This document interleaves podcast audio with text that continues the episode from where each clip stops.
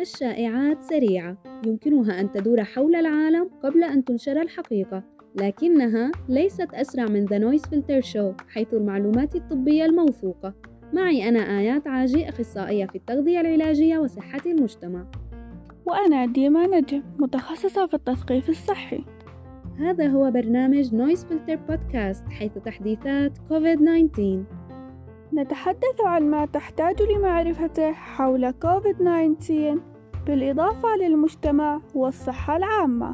لمزيد من المعلومات حول Noise Filter Podcast الصحة العامة لمشاهدة ومشاركة فيديوهات Noise Filter الرائعة والمفيدة تفضل بزيارتنا في noisefiltershow.com يمكنكم الاستماع إلينا على Spotify و Apple Podcast إذا دعونا نبدأ.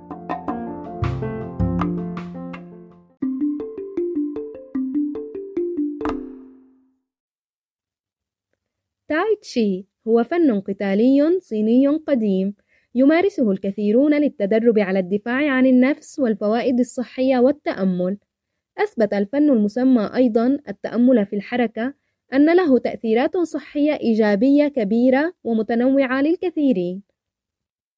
في هذه المرحلة كان هناك الكثير من الأبحاث التي تؤكد مدى الفائدة من ممارسة تاي تشي.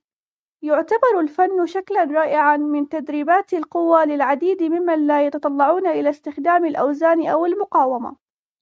يمكن أن يظهر تاي تشي تحسنا في القوة بدون مخاطر الإصابة النموذجية المرتبطة بتدريب الوزن والمقاومة.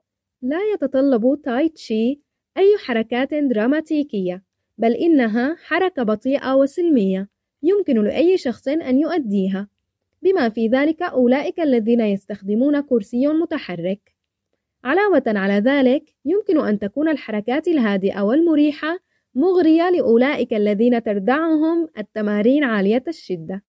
من الناحية اللوجستية لا توجد معدات أو زي موحد مطلوب للتيتشي وبمجرد أن يتم تعليم هذه التقنية لك من قبل مدرب يكون هذا نشاطا منخفض التكلفة.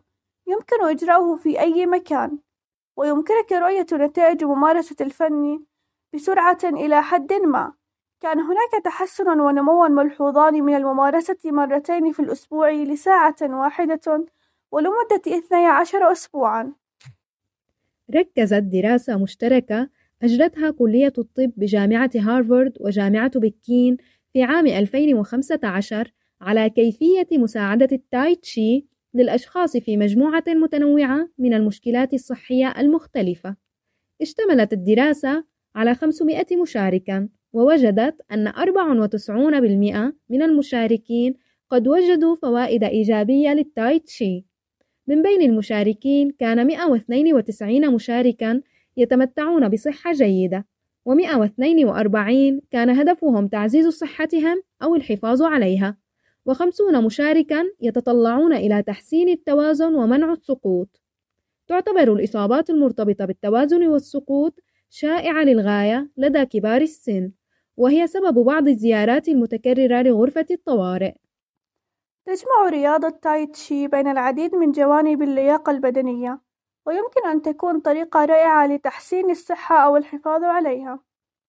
هناك أسباب تدفع الجميع للمشاركة ويمكن أن تكون طريقة رائعة للكثيرين لممارسة التمارين بانتظام في حياتهم.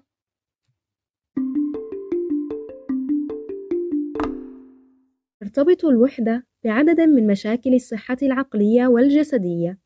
يخشى الخبراء أن تكون جائحة كوفيد-19 قد أدت إلى تفاقم الشعور المتزايد بالوحدة. عندما نبدأ في التعافي من الوباء، يمكن اتخاذ خطوات على المستوى الشخصي والمجتمعي لعلاج الشعور بالوحدة.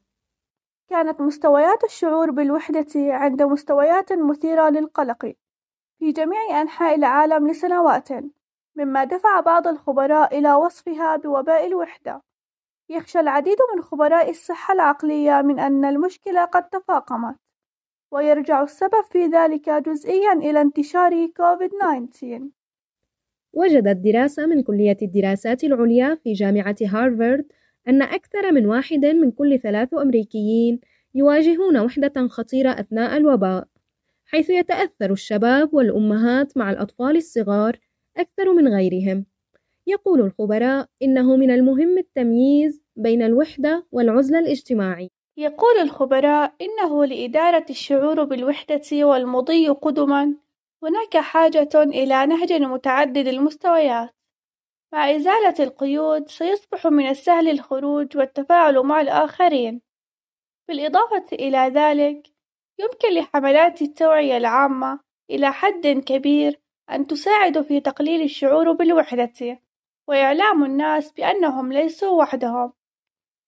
من المؤكد أن التكنولوجيا لعبت دورا في الشعور بالوحدة أثناء الوباء. يتفق الخبراء على أن التحدث إلى شخص ما من خلال محادثة فيديو قد لا يكون له نفس التأثيرات الإيجابية للتفاعل مع شخص ما شخصيا وعلى أرض الواقع. تبين أيضا أن وسائل التواصل الاجتماعي تزيد الشعور بالوحدة، فإبداء الإعجاب بمنشور ما لا يمنح الشخص نفس الشعور التفاعلي حينما تقابله شخصيا. الوحدة هي الشعور بأنك وحيد، بينما العزلة الاجتماعية هي عدم وجود ارتباط اجتماعي بالآخرين. مع هذا المفهوم، من المهم ملاحظة أن الأشخاص الذين يتفاعلون مع الآخرين يوميًا في المنزل أو في العمل لا يزال بإمكانهم الشعور بالوحدة أيضًا.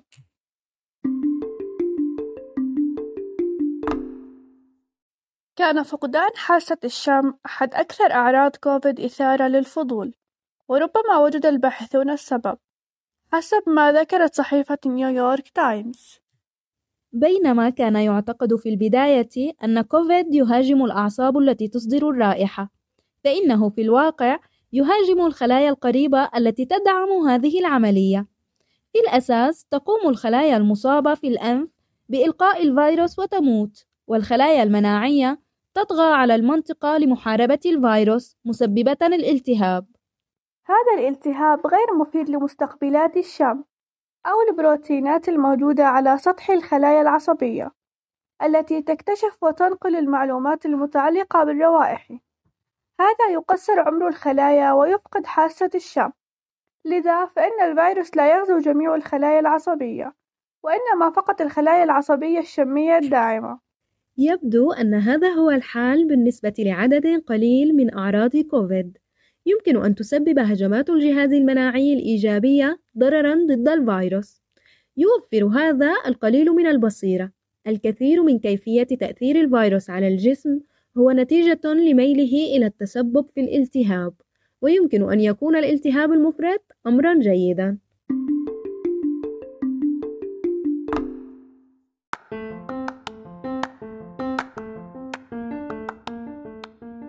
شكرا على الاستماع إلى Noise Filter Podcast الصحة العامة.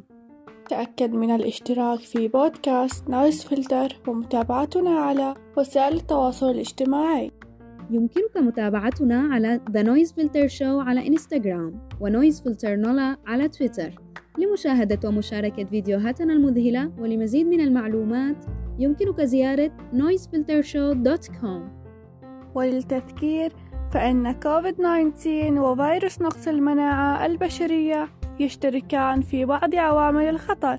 يمكنك معرفة المزيد على www.scaetc.org أي كلمات أخيرة آيات؟ استمر في اتخاذ الخطوات للحفاظ على صحتك وصحة أحبائك.